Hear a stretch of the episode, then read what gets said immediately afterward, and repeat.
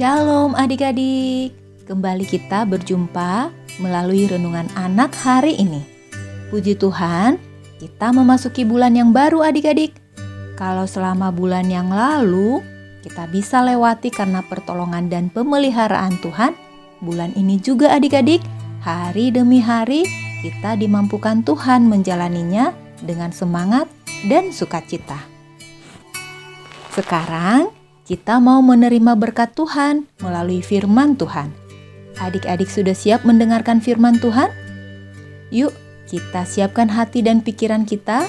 Sebelumnya, mari kita berdoa mohon tuntunan Tuhan agar kita mengerti firman-Nya.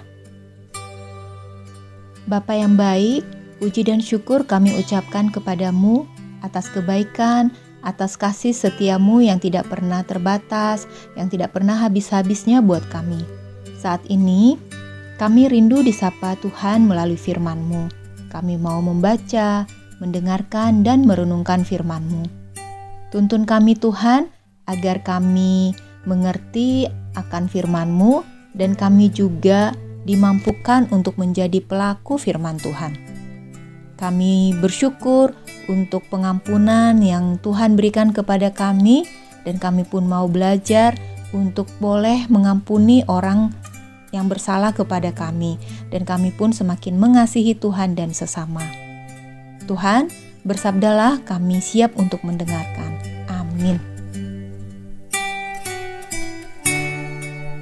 Adik-adik, pembacaan Alkitab diambil dari Perjanjian Lama, yaitu Mazmur 25 ayat 6 sampai 11.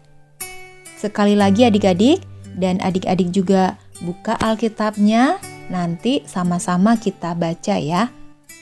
Mazmur 25 ayat 6 sampai 11.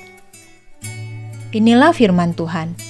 Ingatlah akan rahmat dan kasih setiamu ya Tuhan, sebab semuanya itu sudah ada sejak dahulu kala.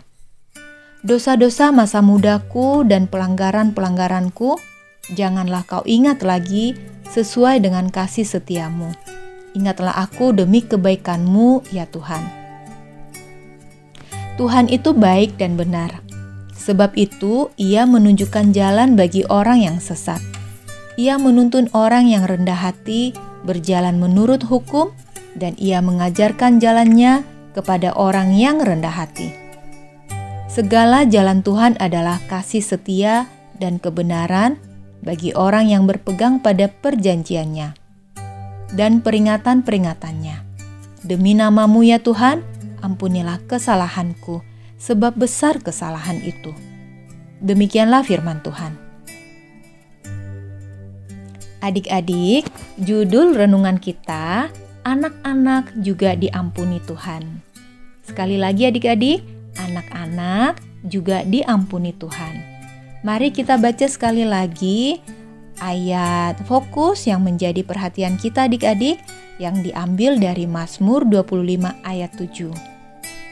Dosa-dosa masa mudaku dan pelanggaran-pelanggaranku janganlah kau ingat.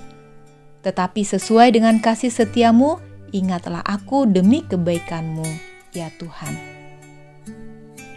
Adik-adik, Pasti masih ingat Bintang dan keluarganya ya. Kali ini kita mau belajar dari pengalaman Bintang dan keluarganya.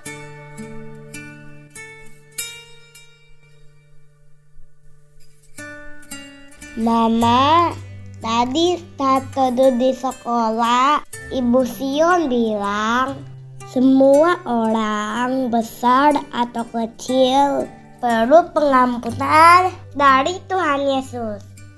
Betul begitu ya, Ma. Berarti orang besar dan Kak Bintang yang paling banyak dosanya. Anak kecil seperti mentari dosanya sedikit. Iya kan, Ma? mau bilang saya dosanya banyak? Tak mungkin dong. Mentari yang dosanya paling banyak karena sering mengganggu kakak. Bintang, sabar, sabar. Tidak baik menilai orang lebih berdosa dari kita. Semua orang, baik besar atau kecil, dari lahir sudah disebut orang berdosa. Kita semua keturunan Adam berdosa dan tidak taat pada Allah. Tidak ada dosa kecil dan dosa besar. Yang namanya dosa, ya dosa. Tapi Yesus Kristus rela disalib dan dihukum menggantikan kita yang berdosa. Tuhan Yesus tidak lagi mengingat-ingat dosa-dosa kita. Salibnya sempurna 100% menghapus dosa semua orang. Ya, berarti Mentari walau masih kecil sudah disebut anak berdosa dong, Ma. Iya, betul. Mentari, Kak Bintang, Mama, semua orang sudah berdosa pada saat dilahirkan. Tapi Mentari jangan takut. Ada Tuhan Yesus yang mengampuni Mentari. Tuhan itu baik dari dulu sampai selama-lamanya. Tuhan memberi pengampunan kepada kita dan memberi kesempatan agar kita mau memperbaiki diri dan tidak melakukan dosa lagi.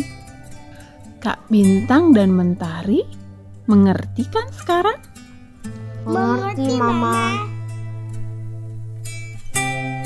Adik-adik, kita semua juga adalah manusia yang berdosa, masih sering melakukan perbuatan yang membuat hati Tuhan Yesus sedih.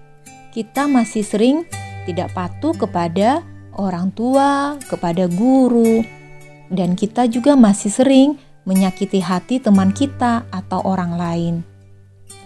Adik-adik, coba adik-adik tuliskan kesalahan atau perbuatan-perbuatan adik-adik yang membuat hati Tuhan sedih atau mama papa juga sedih atau orang lain sedih.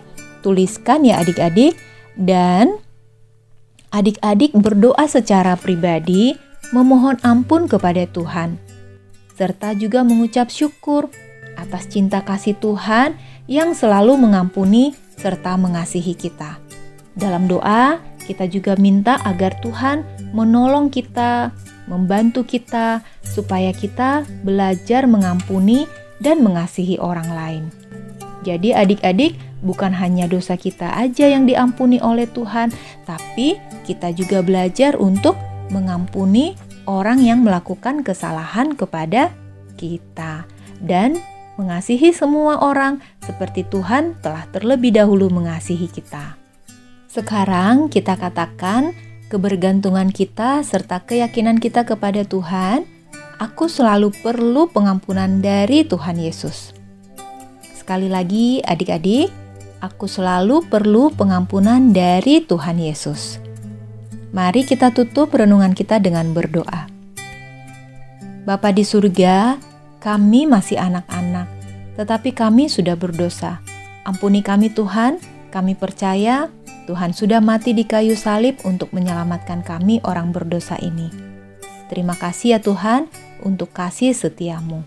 Dalam nama Tuhan Yesus, amin.